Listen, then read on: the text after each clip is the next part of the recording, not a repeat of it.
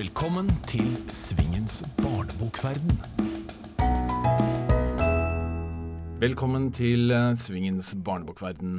Denne gangen er gjestene forfatter Tyra Theodor Theodora Tronstad og forfatter Elen Betanzo. Vi skal starte med deg, Tyra. Velkommen. Tusen takk. Du begynte med en diktsamling. Det var det du debuterte med. Det var det jeg debuterte med. Og så skrev du en bildebok, og Mm. deretter, i 2011, så ble det bok for ungdom. Mm. Har du på en måte funnet din nisje nå? For nå har du øh, holdt deg ganske stabil der. Nei, jeg har ikke det. Det er jeg ganske sikker på at jeg ikke har. Um, men det er der jeg liker å være nå. Men jeg er alltid åpen for at neste gang kan det bli noe helt annet. Så nei, det vil jeg ikke si. Du øh, er jo en av mange forfattere som øh, skriv, har skrevet på si. Altså du har en øh, full jobb, og så har du eh, jobbet med dette, jeg vet ikke, er det helger? Tidlige morgener Og netter. Ja. og netter? Ja, Ja. Men eh, nå har du gjort en forandring. Ja, eh, det er ikke så veldig lenge siden jeg gikk eh, på litt sånn, eh, litt sånn høye hæler inn til sjefens kontor og sa at nå vil jeg veldig gjerne begynne å jobbe en del mindre og skrive mer. Og da hadde jeg ikke noe eh, annet enn et en veldig sterkt behov for å ta dette eh, Jeg vet ikke, jeg sier jeg har alltid tatt det seriøst. Eh, men det er veldig, veldig hardt å, å gi alt i skrivinga mens du også skal gi veldig mye i en annen jobb. Og jeg kjente liksom at nei, jeg må bare få mer tid. Ellers så vet jeg ikke om jeg klarer det. Så det føltes veldig eh, viktig for skrivinga å gjøre akkurat det, og, og uten egentlig å ha noe stipend i bånd eller noe sånn akkurat nå. Så det føles litt skummelt og skikkelig bra. For det føltes litt usikkert for eh, skal vi si, resten av livet, og en inntekt, halv inntekt som forsvinner. Eh, ja, den lønnsslippen min var det ikke noe fest over. Eh, men det er veldig fest over den følelsen eh, av å ha tid. Eh, som er det jeg trenger. ikke sant? Jeg trenger egentlig bare det. Nå har du da bedre tid til å skrive. Hvordan begynner en roman hos deg? Og den begynner eh, Den begynner ikke, for jeg begynner ikke med begynnelsen. Jeg begynner med scener og steder som er spennende og interessante. Eh, men jeg vet aldri om det er begynnelsen. Det gir seg egentlig ganske seint. Slutten vet jeg ofte litt mer om, men begynnelsen det er et svare strev, altså. Hvis vi tar din uh, siste roman, 'Flaggermusmusikk', Mhm. hvordan kom du i gang med den? Å, kjære. Uh, jeg kom i gang med den uh, fordi jeg er veldig interessert i dyr. Og fordi jeg hadde begynt å henge flaggermuskasser rundt omkring der jeg bor. Og fordi det er ufattelig interessant å flytte fokus fra eh, det menneskelige livet og over i dyreriket. Helt for min egen del. Eh, men men eh, så tror jeg at jeg er som kanskje forfattere har vært litt i alle tider, da. At mm, dyr har jo alltid gitt inspirasjon til fortellinger. Jeg føler meg bare i slekt med veldig mange av dem. Eh, dyr er så annerledes. Så hvis du graver i det, så er det jo, det er jo helt ja, vilt, som de sier. For de som ikke kjenner denne boka, hva kan du gi et eh, slags eh, handlings, kort handlingsreferat? Veldig fort. En Mhm. magisk, realistisk fortelling om å leve så tett på flaggermus at man kanskje er litt en. Og en fortelling om, om å leve i en familie som har et helt annerledes forhold til dyr enn alle andre. Uh, ja, det handler den om. Det blir kalt en økotriller. Er du eh, på en måte enig i den merkelappen? Altså, Det var en flott merkelapp. Det er vel en herlig merkelapp. Jeg hadde ikke tenkt på den sjøl, men eh, kjør på, altså. Men Ja, det, det der telepatiske samfølelsen med dyr, det har Mm. du vært litt borti før. det har jeg vært borti før. I den som heter Hundetanker, som kom i 2012. Mm. Hvor det er en, eh, en eh, jente som finner en måte hvor det går an å, å gå inn og forstå hva hunder tenker. Så det er klart, jeg har jo vært inne på det. Jeg tror kanskje dyr alltid har vært veldig viktig for meg. Det er veldig inspirerende. De er annerledes. Hvordan funker de? Hvordan tenker de? Mm. Når det gjelder det økologiske aspektet ved, ved skrivingen din, er det også sånn at du har en slags agenda ved å bevisstgjøre ungdom? Mm, det skulle jeg veldig gjerne på en måte uh, Altså, jeg, jeg, jeg har en, hvis jeg har en agenda, så vil det måtte være å ta med leseren inn i en verden full av muligheter. Eh, og kunne se det eventyrlige. Eh, og så er jeg som person eh, samfunnsengasjert. Jeg har vokst opp i miljøbevegelsen. Eh, blitt dratt med ut på demonstrasjonsleire mot vannkraftutbygginger rundt i, siden jeg var barn. Eh, så jeg er veldig miljøengasjert, men det er på en måte ikke der slaget står når jeg skriver.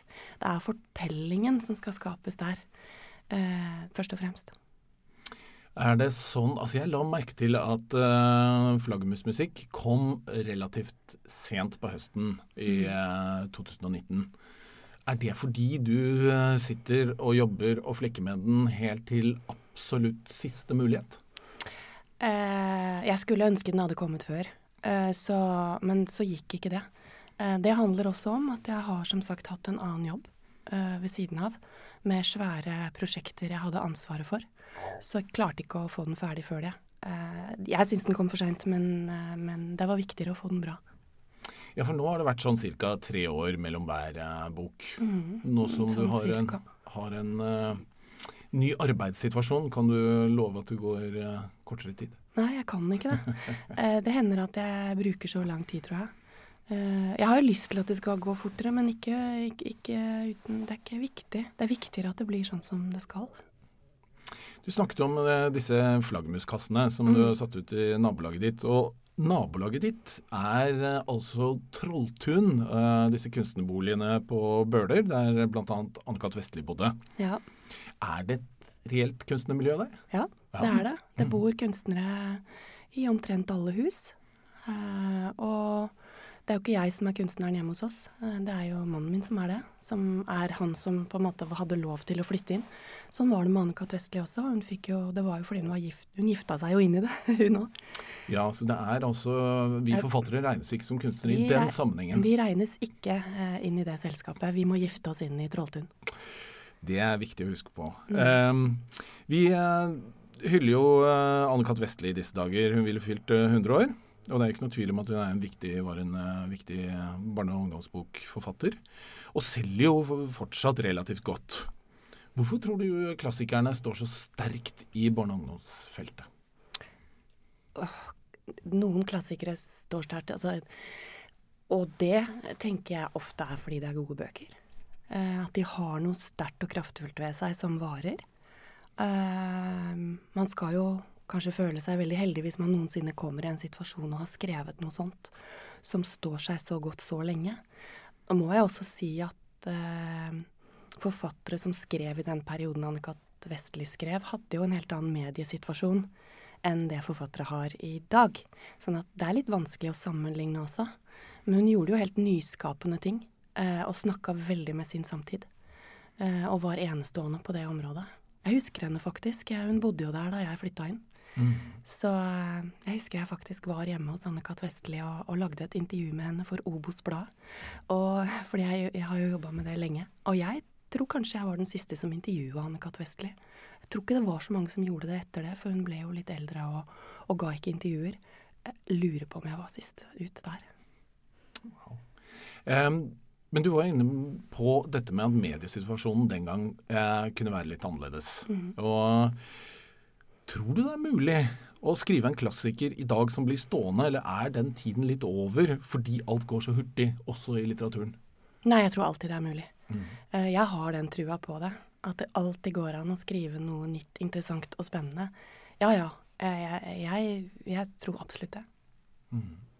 Hva slags, hvis du er eh, Henne jeg spør forfattere om eh, Hvis du skulle velge mellom å få en virkelig stor, fin pris eller veldig mange lesere Å, hvis jeg skulle velge det? Ja.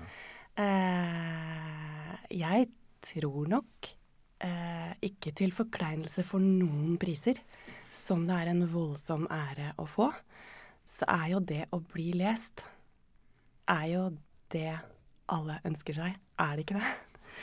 Eh, men jeg syns det er umulig Altså, den ene leseren er også viktig. Det er fantastisk å få tilbakemelding fra den ene leseren som har lest boka di. Eh, så den ene leseren kan også være minst like viktig som de mange Ja, for du skriver jo uh, innenfor kanskje den vanskeligste sjangeren av dem alle å finne lesere, nemlig ungdomsboka. Mm. Så um, du tenker kanskje ikke så mye på det. Det er historien som bestemmer hva du skal skrive. Eller tenker du noen ganger på at uh, oi, det hadde vært fint om vi faktisk hadde en såkalt young adult-kategori i Norge også, som gjorde at det var mulig å nå ut til uh, en større bredde av lesere? Dette syns jeg er utrolig interessante spørsmål. Og, og dette er, uh, dette er noe jeg har tenkt så mye på. Uh, når du skriver for yngre lesere, så, så går du inn i et segment eh, der markedet og hele markedssituasjonen er ekstremt opptatt av målgrupper. Eh, og hvor det nesten går ned i helt sånne bitte små alderssegmenter der ute. I bokhandlere, i biblioteker, hylleplasseringer. Og jeg forstår det veldig godt. Og sånn er den verdenen. Men der jeg er når jeg skriver, så er det fortellingen som er drivkraften for meg. Eh, og jeg er nok Derfor så føler jeg på en, måte Jeg føler meg ofte at jeg må beskytte meg litt fra den sterke målgruppetenkninga som, som kanskje hardner til også i feltet. Og tenke at det er fortellingens egenart og fortellingens indre liksom logikk og kjerne og språket og drivet som er viktig for meg. Um, og jeg må holde veldig hardt på det og beskytte meg litt mot den sterkere og sterkere segmenteringa som er der ute nå. Og, og, jeg vet ikke om det gir helt mening, men jeg visste ikke i hvilken grad jeg måtte beskytte meg mot det. Eh, men det må jeg for å skrive det jeg skriver. Og aller lykkeligst blir jeg. Og det høres jo rart ut, fordi jeg skriver bøker i et såkalt smalt segment, men aller lykkeligst blir jeg når jeg ser at segmentet strekkes, at jeg har barnelesere, at jeg har lesere på 80 30 år. At jeg har At det er et spenn der. Det ønsker jeg meg kanskje mest av alt. Det høres jo kjemperart ut, men jeg blir veldig glad når det skjer. Mm. Og, og, og, og, det har skjedd akkurat nå.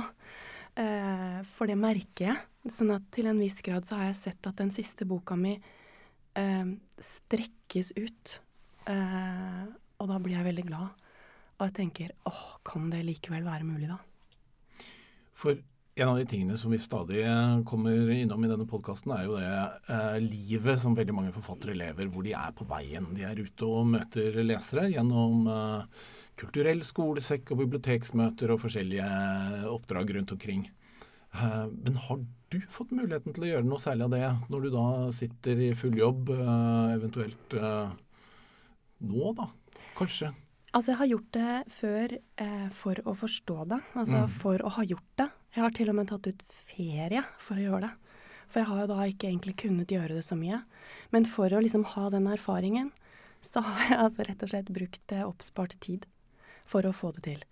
Og har Det er jo øh, Og særlig har jeg gjort det øh, for å ha kontakt med mitt eget hjemfylke. Så jeg har særlig gjort det i, i det som før het Hedmark, ikke sant. Og som nå, som nå heter Innlandet. Som er hvor jeg er fra.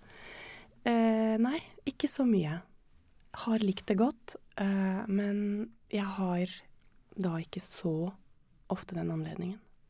For, uh, for, min del så er det jo ofte sånn at jeg føler at da mister jeg helt kontakten med leserne hvis ikke jeg gjør det iblant. Ja. Men det trenger ikke gjøre det så ofte. Nei, det er helt sant. Jeg så, må gjøre det iblant. Jeg må mm. gjøre det iblant, Men jeg har ikke anledning til å være på veien på den måten. Så, men, men er du gæren?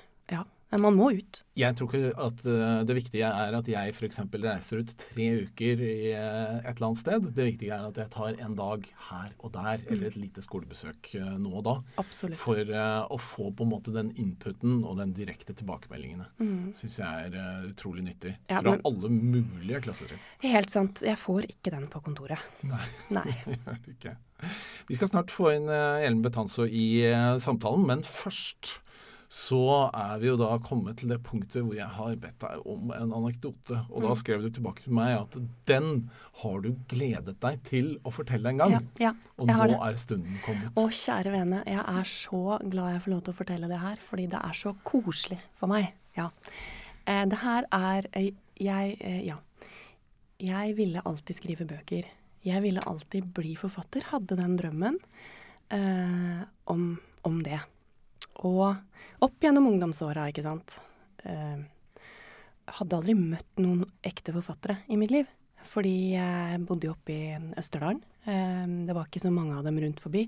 Sånn, av de forfatterne jeg virkelig hadde lyst til å møte, da hadde jeg aldri, hadde aldri streifa forbi noen av dem. Eh, men så skjer det altså at jeg eh, blir student og flytter til Oslo for å studere psykologi. Og eh, har en jobb ved siden av i helgene på en, en, institusjon for barn. Og så skjer det at jeg mister toget mitt. Eh, og jeg må til Oslo fordi at jeg må på jobb. Skal vi si jeg var 20 år, da. Og så gjør jeg det som barn av 80-tallet gjør eh, når de har mista toget til Oslo. De stiller seg opp på rv. 3 for å haike. Det gjorde jeg, og stopper det en kar med en ganske stor bil. Og jeg ser jo hva som er bak den bilen. Det er våpen. Uh, for dette er en kar som har vært på jakt. Tror han har noen bikkjer der òg. Tror jeg, jeg er ikke sikker. Uh, og jeg tenker ok, en sånn litt eldre mann med masse våpen i bilen. Flott. Men vi begynner å snakke. Og så tenker jeg sakte, men sikkert Er det noe kjent med den her fyren? Um, så snakker vi litt mer og, og, og, finner tonen, og så spør jeg hva han heter, og så sier han Mitt navn er Kjell Halbing. Og jeg holdt på å svime av, uh, for da kan jeg si til han Jeg har skrevet særemne om dine bøker. Mm. Og så blir det altså en fest av en biltur. Fra Koppang til Oslo hvor den samtalen bare kjører på, og han forteller meg om research i amerikanske indianerreservater, og forteller meg om hvordan han skriver. Og jeg har tusen spørsmål, ikke sant, for jeg har jo vitterlig brukt ganske mye tid på å sette meg inn i denne mannens uh, forfatterskap. Uh, med Morgan Kane og hele, hele, greia. Det er altså jeg tror, jeg tror ikke på det som skjer. Så stopper vi på Elgstua, så spanderer han ørret på meg. Og så kjører han meg til døra. Og det var mitt første møte med en ekte forfatter. Og jeg var jo høy på verden i mange uker etterpå. Og så går åra, ikke sant. Og så tenker jeg ja, men dette var jo kjempegøy for meg. Eh, og så etter hvert som jeg ble forfatter sjøl, det liksom tok lang tid før jeg liksom så tilbake på den historien og tenkte Men det der tror jeg kanskje var litt koselig for Kjell Halbing òg. ikke sant? for å treffe en person på veien som har fordypet seg i bøkene dine. Det skjer ikke hver dag for forfattere heller. Nei, og dessuten, den gang så var det jo ikke noe som het kulturell skolesekk. Og jeg hadde jo uh, ingen forfattere som var på besøk i skolen. Hadde du det, f.eks.? Jeg kan ikke huske det. Nei, Så det var jo en sjeldenhet å faktisk ja. møte noen eh, lyst levende forfattere. Mm. Og så var det selvfølgelig færre av dem mm. den gangen også. Og så var det ikke så ofte man fikk haik med dem heller, kanskje? Nei. Jeg har en lignende historie med Og jeg fikk sitte på med Jack Fjelstad, skuespilleren. Men mm. uh, det er det nærmeste jeg kommer. Men det er en fin sånn podkast. Hvem har du haiket med? ja. Ikke kjente folk. Avdøde folk. Men da skal vi eh, få inn eh, Elen i eh, samtalen her. Så nå har jeg da et felles spørsmål til dere som jeg lurer på. Og hvis vi da Jeg vet ikke om vi skal operere med kategorier, men hvor selvkritiske er dere som forfattere?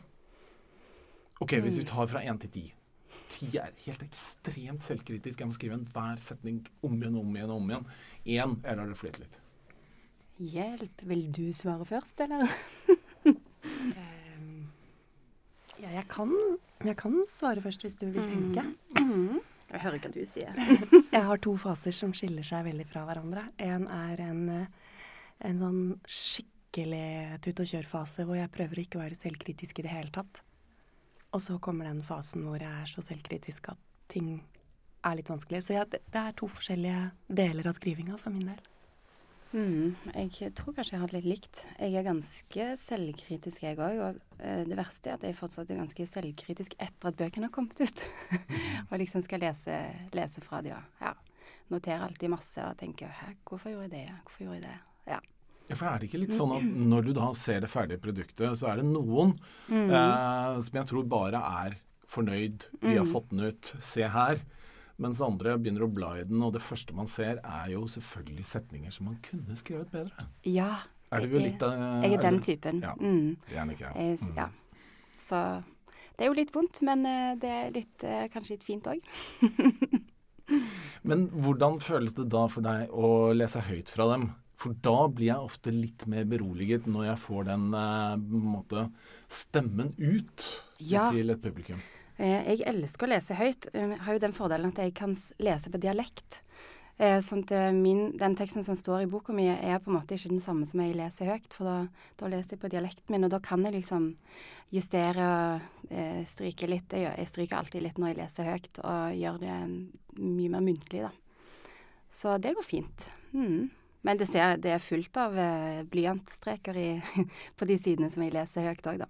Så du rett og slett forandrer eh, den skal vi si, ferdige teksten Ja, ja, før du leser den høyt? Ja, det gjør jeg. Mm. Mm. Gjør du det også, Tyra? Om jeg eh, Går du inn og forandrer før du skal, eh, noen ganger før du skal lese det høyt? eh, Nei, ofte ikke. Jeg står heller og og skammer meg litt. Skam er bra. Har, har dere én bok som dere har eh, eh, på en måte skrevet om flest ganger? Har dere en som står ut som liksom den eh, Herregud, den måtte jeg jobbe Mm. utrolig mye med. Jeg Det er alltid den siste for min del. Jeg jobber mer og mer Eller jeg har alltid jobba mest med den sist utkomne boka. Ja. Så, så det betyr rett og slett at du jobber mer og mer for hver utgivelse? Ja, Skriver om mer og mer? ja jeg syns det. Mm. Er, men har det også noe med at du blir mer selvkritisk? Jeg tror det. For du blir jo høyst sannsynlig bedre også. Ja. Eh, mer selvkritisk og bedre. Det henger jo ofte sammen, det. Mm. Jeg tror jeg har blitt bare en mer eh, dreven skriver etter hvert. med- Jeg debuterte jo ganske ung, så, og helt utafor noe skrivemiljø. Så jeg har lært veldig mye om skriving gjennom de ti årene som jeg har skrevet bøker, da. Så mm. Hva med deg, Tyra? Er det en spesiell bok? Ja, det er absolutt en spesiell bok. Det er en bok som jeg ga ut som kom i, ut i 2016, som heter 'Mørket kommer innenfra', som er sånn teknisk vanskelig fordi den er tostemt og har to fortellerperspektiver, og alt må stemme. og jeg tror jeg skrev den på nytt. eh, Jeg skrev den om igjen og om igjen. Jeg tror jeg er oppe i 13-14 ganger. Og da snakker vi hele romanen, eller? Ja. Og den, altså, jeg vet ikke helt om jeg klarer å definere det så klart, men det er forferdelig mange ganger. Men er det sånn at du noen ganger da går tilbake til en tidligere versjon og finner fram ting der som faktisk Ja, kanskje det fungerte best likevel? Ja, det er veldig sjelden, altså. Ja, nei, hadde det vært så vel. Hvor mye tenker dere på leseren når dere skriver? Eh, jeg tenker ganske mye på leseren når jeg skriver, og det òg eh, mer og mer for hver bok, egentlig. Men ikke i Du snakket om de to fasene. At du først har en litt sånn myldrete fase hvor mye skal ut, og så har du en mer kritisk fase, ikke sant. Eh, sånn er jeg i dag, og i den kritiske fasen så jeg tenker jeg masse på leseren. Men ikke så mye i starten. Ja, også sånn forskjellige faser. Jeg tenker kjempemye på leseren, men jeg tenker også at eh, em, Først og fremst så tenker jeg at den leseren er veldig veldig smart og kommer til å avsløre meg hvis jeg, hvis jeg, hvis jeg tuller det til. jeg tenker at leseren er veldig streng. Men dere skriver jo begge ungdomsbøker, og vi, vi snakket jo litt om dette tidligere, at uh, forlagene ofte opererer med ganske sånne snevre alderskategorier. Men akkurat ungdomskategorien, det er vel kanskje en av de, innenfor skal vi si, oppvekstårene som er ganske bred. Hvor de ikke er eh, så nøye på å definere alderen heller. Og vi vet jo selv at modenhetsnivået hos leserne, særlig da kanskje på ungdomsskolen, spriker jo noe helt enormt. Og ikke minst eh, leseevnen, og kanskje i særdeleshet da leselysten. Så um, jeg vet ikke øh, Har dere da et bilde av eh, hvem disse bøkene er for? Mm, ja, det er sant at ungdomsbokkategorien er stor og rommer mange, heldigvis, på en måte. Da er det plass til sånne bøker som vi skriver òg. vi, skriver jo, vi, vi skriver jo ganske smale ungdomsbøker, syns jeg, da. Eh, men det er plass til de òg. Når jeg skriver, så tenker jeg på en leser som er mm, Som har lest før, i alle fall. Som kan tåle litt motstand i tekst. Men så prøver jeg å ikke være for dryg likevel. At, ja, effektiv, men retta mot noen som kan det å lese. Mm, ikke bare liksom deschiffrere, men tolke. Ja. Eh, og det er så vanskelig det er så vanskelig spørsmål, det der, syns jeg. Jeg tenker at det er nesten kanskje litt mer intuitivt enn Elen eh, enn den måten Elen gjør det på. At jeg, måtte jeg føler jeg må finne en eller annen tone. Det er ikke en konkret person jeg ser for meg, men man skal liksom lande på et eller annet stilnivå. Eller lande på en eller annen fortellerteknikk eller stil som kan fungere. Uh, at det er mye mer en sånn følelsesprosess enn jeg egentlig er så himla bevisst, da. Mm. Jeg har bedt dere om et spørsmål til hverandre. Og skal vi begynne med ditt spørsmål, spørsmål Ellen? Mm. Mitt spørsmål var egentlig det du stilte nettopp. oh, Men jeg har et til. For, um, jeg vet ikke hvor jeg har hørt deg snakke om dette, men jeg har jeg skjønte jo nå at du har gått ned i stillingsprosent og sånn, men før det så jobbet du 100 og jeg har hørt deg et eller annet sted fortelle at du sto opp fem for å skrive før jobb. Kan det stemme? Og kan du fortelle litt mer om hvordan du gjorde det da? Det er veldig interessant, fordi eh, det der eh, er det så mange som spør meg om. Fordi jeg holdt et eh, foredrag på Litteraturhuset, den Tronstad-forelesninga, hvor man kan bli invitert til å snakke om noe som er viktig for deg som forfatter. Og da skrev jeg en forelesning som het om litteratur og stemplingsur. Og så skrev jeg eh, ganske personlig, veldig personlig, om det å skrive ved siden av full jobb. Og da skrev jeg om det livet hvor eh, jeg har stått opp i lange perioder, jobba fullt, og stått opp halv fem og begynt å skrive kvart på fem til ti på sju eh, før jeg står opp og har gått på jobb i Obos. Uh, og det var det så mange som eh, Altså fortsatt eh, så får jeg henvendelser om det. Eh, og det skal sies at jeg, den, disse forelesningsrekkene skal egentlig stå på trykk i Klassekampen, men jeg følte at det var såpass sårbart, for jeg var egentlig litt redd for for at folka i Obos skulle få det opp i retrieverklippene sine. Så, så, så, jeg ville ikke Jeg vet ikke hva jeg tenkte på da. Men eh, eh, det er rett og slett sånn at jeg tror veldig mange forfattere i ganske mange år av livet jobber veldig hardt og, og uh, sliter Det kan være ganske tungt. Fordi uh, man må jo skrive bøker før, det, før man tjener noe penger. Altså man må skrive boka før man selger den, alt det der. Uh, og at det der å si rett ut hvor hardt det kan være, uh, virker det som traff noe. Fordi folk snakker fortsatt uh, mm. til meg om den greia der. Mm. Og nå er det ikke sånn lenger i livet mitt, for jeg var da liksom hovedforsørger i familien og sånn.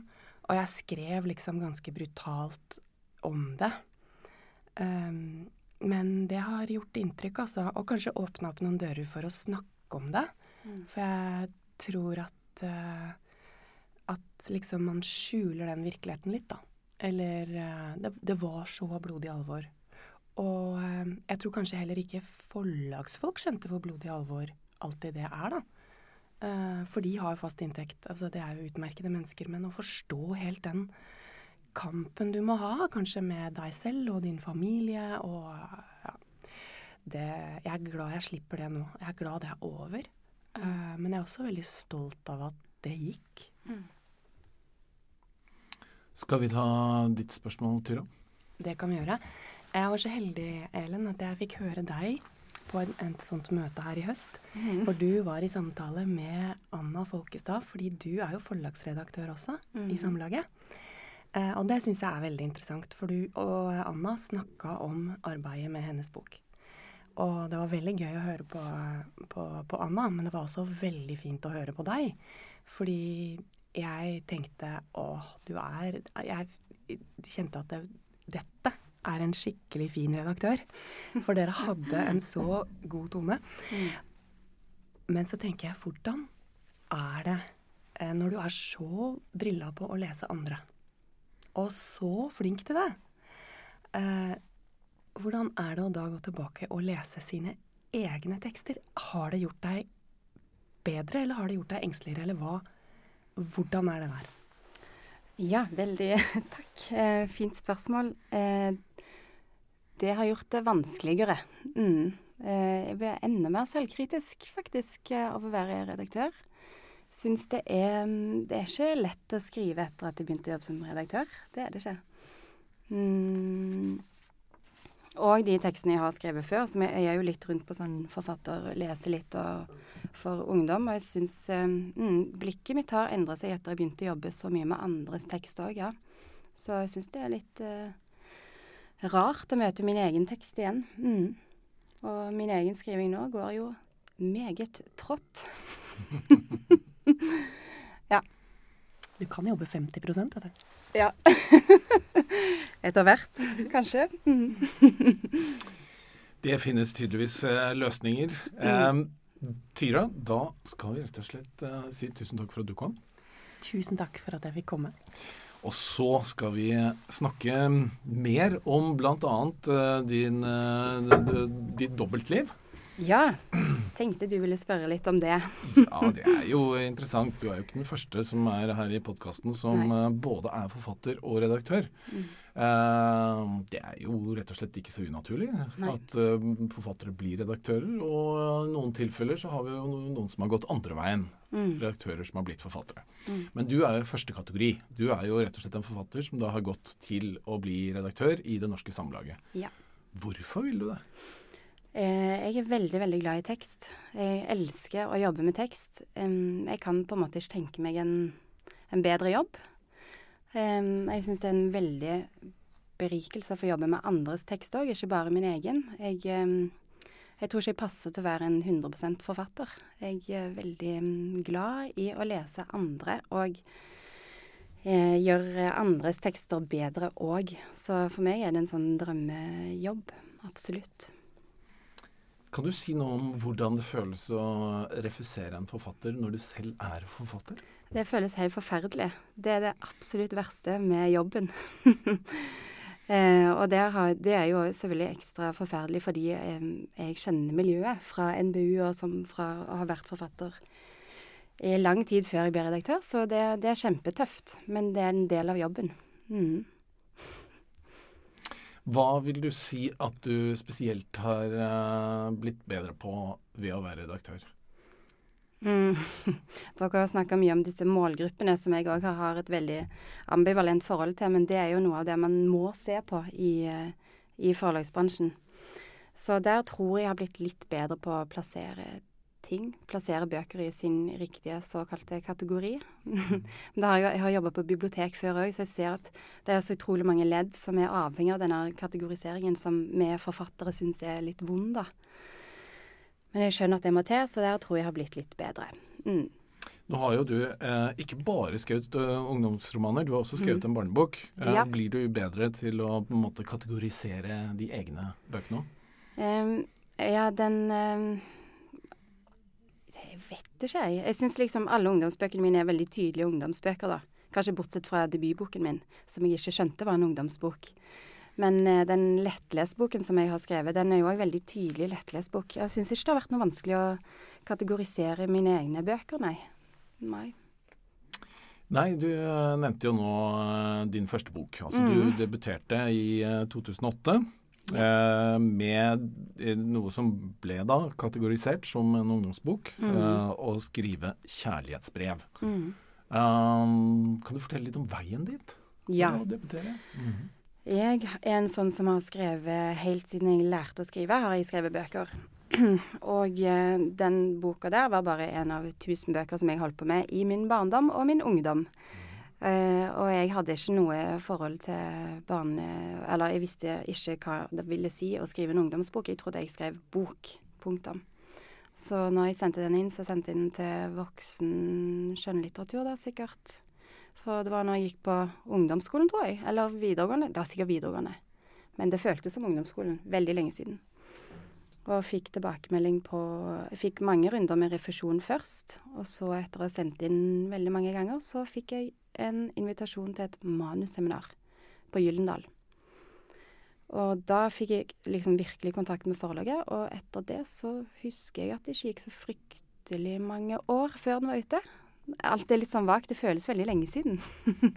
Men det føltes òg som om det var bare en naturlig forlengelse av alle de skrive, skriveprosjektene jeg hadde hatt i, siden barneskolen. Mm. Den uh, siste boka di heter mm. 'Nordsjøen'. Og jeg leste vel én kritikk hvor det var noen som skrev at denne boka har kimen i seg til å, å kunne endt i mange romansjangre. Mhm. Reflekterer det noe skriveprosessen også? At du eh, var på vei i, i forskjellige retninger? Eh, ja, absolutt. Eh, eller det vil si, jeg, jeg skriver uten å helt vite hvor jeg skal. Og den boken reflekterer nok det veldig. Eh, så det syns jeg var en veldig god kritikk av den, han, han, som skrev den anmeldelsen. Mm, jeg må liksom skrive for å skjønne hva jeg holder på med.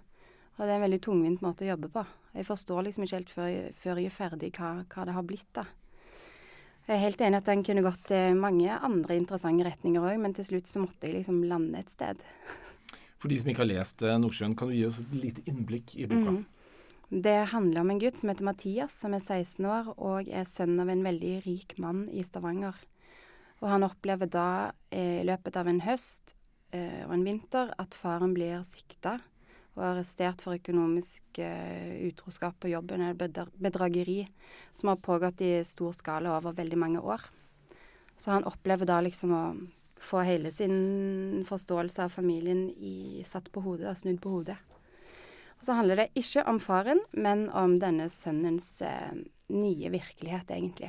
Og hans eh, forsøk på å mestre den nye det nye livet som sønn av en bedrager i stedet for sønn av en veldig rik mann. Mm. Og det går jo da ikke så veldig bra.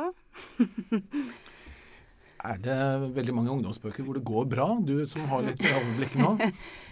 Eh, det er i hvert fall ganske mange som hanker seg litt inn igjen på slutten, tror jeg. Og det gjør jo min òg, kanskje. Mm, men ja. Det er mye elendighet i ungdomslitteraturen, egentlig, syns jeg.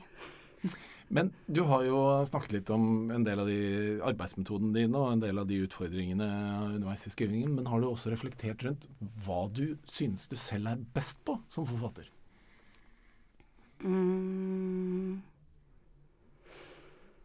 Hmm, det var vanskelig. Hva er jeg best på? Jeg er best på å skrive masse, og så eh, ikke være redd for å ta det vekk. Jeg er veldig god på å kaste ting og begynne på nytt. Og eh, jeg liker å skrive. Jeg liker å skrive masse. Det kan jo være en styrke, det. Og så blir det veldig korte bøker til slutt uansett. Så et slags, eh, i det skillet mellom å skrive masse og gi ut korte bøker, så tror jeg det skjer noe bra for min del. Mm. Ja, for Nordsjøen er relativt kort. Ja. Men betyr det at underveis, så hvis du hadde tatt med alle de episodene og hendelsene mm. og scenene og sånn som du har med, så snakker vi en virkelig tjukk bok? Ja, da snakker vi en ganske tjukk og dårlig bok. ja, ok. ja, jeg bruker òg veldig mye tid på liksom å finne niv tekstlig nivå, da. Det første jeg skriver, er ofte mye mer eh, avansert enn det siste jeg skriver. Jeg må liksom hele tiden jekke meg inn på den tonen jeg har lyst til å ha, da. Jeg vil jo være den 16 år gamle gutten, og det er jeg aldri i starten. Men på slutten er jeg da kanskje litt mer. Ja. Syns du det er vanskelig å skrive om en gutt? Mm, det syns jeg òg er veldig vanskelig. Hva var årsaken til at du valgte det istedenfor å ja, Jeg er jo en som generelt skriver om uh, hovedpersoner som har mitt eget kjønn. Ja. Fordi det er så himla mye enklere for meg. Ja. Ja, jeg hadde lyst til å prøve det. Jeg hadde lyst til å se hvordan det gikk. Og så um, tenkte jeg at det er noe litt sånn Det er jo òg noe litt klassisk i dette far-sønn-relasjonen som jeg hadde lyst til å utforske. Jeg har skrevet ganske mye om mødre, og tenkte nå må jeg utfordre meg sjøl litt. Mm. Og så hadde jeg òg Den handler jo ikke bare om dette, men den, den handler jo òg om en gutt som har en veldig sånn um, Han er veldig ensom. Og han har ikke så veldig mange å snakke med. Og når det skjer noe veldig kjipt i livet hans, så blir han gående alene og reflektere og tenke og svare i sin egen tankestrøm. Eh, han, han, gjør jo til slutt eh, Han blir òg sint. Um, så det handler òg om en sint gutt som blir sveket, og som eh, gjør ting han ikke skulle gjort fordi at han Eller kanskje fordi han ikke har så mange å lufte tankene sine med, da. Og det tenker jeg Sånn er det nok en del gutter som har det. Mm, så det hadde jeg òg lyst til å utforske, da. Nå tenkte jeg vi skulle bli eh, litt grann personlige. Mm. Å nei. For du er jo da en uh, halvdel av uh, Jeg må nesten si vel, en av veldig få forfatterpar i Norge. Oh, ja. ja. For du er jo da sammen med Eivind Hofstad Evjemo. Mm. Og det jeg alltid lurer på, i og med at det, jeg må jo si at det er bemerkelsesverdig få forfatterpar i Norge. Hvis du tar sammenlignet med f.eks. skuespilleryrket, hvor det Ja. virker som de ikke kan bli sammen med noen andre enn de som driver Ja. med det de selv driver med. Er det sånn at man bruker hverandre i manusarbeid og diskuterer manuset sitt over middager og kvelder og hvitvin og Ja, ja, i aller høyeste grad. Jeg, jeg visste ikke at det var så få forfatterpar, egentlig, men det, kanskje det stemmer. For oss er det veldig, veldig styrke, da. Vi kan alltid snakke om det vi er aller mest opptatt av. Og vi er jo hverandres førstelesere, og jeg har uten tvil blitt en mye bedre forfatter etter det jeg møtte Eivind, syns jeg. Han har lært meg veldig, veldig mye om tekst. Så ja, jeg føler meg heldig som kan snakke om jobben min døgnet rundt med en som er like interessert, da. Selvfølgelig kan det bli for mye òg, men mm, ikke så ofte. Men kan det bli vanskelig òg? Jeg mener noen som står deg så nært, som da skal si at uh, du, det her avsnittet her, det holder jo ikke i det Mm. hele tatt. Ja, det syns jeg eh, det, han, han er veldig streng, og det var helt forferdelig de første lesningene han gjorde av mine tekster, fordi jeg kommer ikke fra et skrivemiljø. Han kommer fra et skrivemiljø. Eh, så han ga så seriøs tilbakemelding på mine tekster at det, det var helt forferdelig, liksom. Men nå setter jeg jo veldig pris på det, for at det kommer fra han, og ikke av, fra noen andre. Eller at han liksom Han tar veldig mye rusk i starten, må jeg si. Mm. Men Fins det noen ulemper ved å holde på med det samme òg? Ja, så hvis vi f.eks. hadde skrevet innenfor samme felt, og jakta på de samme stipendene og prisene og sånn, så hadde det jo sikkert blitt vanskelig. Men det gjør vi ikke. Mer, mer konkurranseforhold? Ja. Vi har jo ikke et konkurranseforhold nå i det hele tatt. Det tror jeg er bra. Men vi var jo inne på dette med eh, skrivetid. Og du Mhm. har jo da full jobb og små barn. Og mm, det, når, når skriver du? Um, jeg skriver av og til om kveldene når ungene har lagt seg, og hvis jeg ikke har noe jobb igjen fra arbeidsdagen. Eh, og da blir det ofte Jeg har skjønt at man kan komme ganske langt med et kvarter. Så nå har jeg begynt å sitte et kvarter innimellom, og det holder, liksom. Eller det, altså, for å ha kontakt med stoffet, da. Så det er nok akkurat nå, så må jeg sikkert ta noen helger innimellom, men det får komme litt seinere. Men er det sånn at du vrir om bryteren i det kvarteret, så holder du på med det? Eller har du egentlig vridd om bryteren litt tidligere, sånn at du har tenkt på hva du skal gjøre det kvarteret? Ja, det er en fordel hvis man har en plan for det kvarteret. Eh, men nå, det som er fint med å jobbe fullt og, og ha veldig lite skrivetid, er jo at når du først skriver, så skriver du har du veldig lyst til å skrive. Så jeg, det er veldig sjelden at jeg opplever at jeg sitter og ikke har noen ting å knote ned. Jeg har my eh, det er tid som er min mangelvare, da. Og på en måte så har jeg en bok oppi hodet, men jeg må ha mange kvarter for å få den inn i PC-en. Men du er i en fase hvor du holder på å stryke litt og skrive Nei, litt? nå er jeg i den første fasen som Tyra snakket om foreløpig, og det er jo veldig flott. Hvor jeg bare kan eh, pøse på. Ah, ja. Du har ikke begynt å stryke ennå? Eh, nei. Det begynner sikkert om veldig lenge. Jeg har også bedt deg om en uh, forfatteranekdote fra ditt uh, ville og rike forfatterliv. Mm, det syns jeg var veldig vanskelig, og det har jeg eh, må jeg bare erkjenne at jeg har, en, har ikke noen sånne spennende forfatteranekdoter, men jeg har et minne. Du har aldri minne. haiket, med andre ord? Nei, aldri haika. Aldri møtt en forfatter i bil. Nei, jeg har ikke noen sånne, og heller ikke noen sånne verken veldig gode eller veldig dårlige skoleturnéhistorier. Men jeg har en tegning eh, som jeg har funnet hjemme. Eh, eller det vil si, nå er den borte igjen. Men eh, jeg fant den eh, ikke så veldig lenge etter at jeg hadde debutert som forfatter. Og den tegningen har jeg, skrevet, nei, har jeg tegnet på barneskolen. Eh, tidlig på barneskolen. Og oppgaven fra læreren min var eh, tegn en tegning hvor du tegner deg sjøl i en jobb om 20 år. Eller eh, hvor, hvor jobber du, hva jobber du med når du blir voksen, var oppgaven. Og da har jeg tegnet meg sjøl eh, som voksen med, eh, bak en skrivepult med en, noe som ser ut som en skrivemaskin, men det var sikkert en PC da, foran meg på pulten. Og en bunke med papirer på den ene siden, en bunke med papirer på den andre siden. Og en hund under pulten. Og en, et søppelspann fullt av sånne sammenkrølla ark på den andre siden. Eh, og så når jeg så den tegningen igjen som voksen, så må jeg si at det stemte ganske godt. Bortsett fra det med hunden.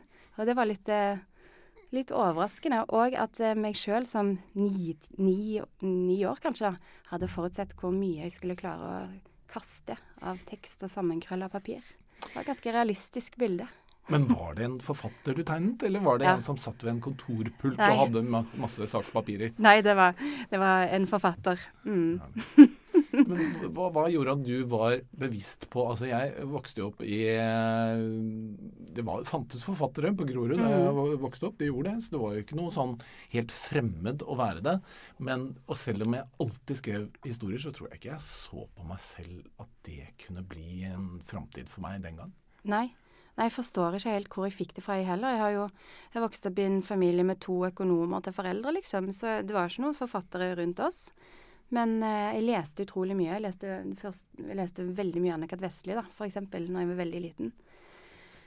Ja, jeg må bare ha skjønt at noen sto bak alle de fantastiske bøkene jeg leste, og at jeg hadde òg lyst til å være en sånn.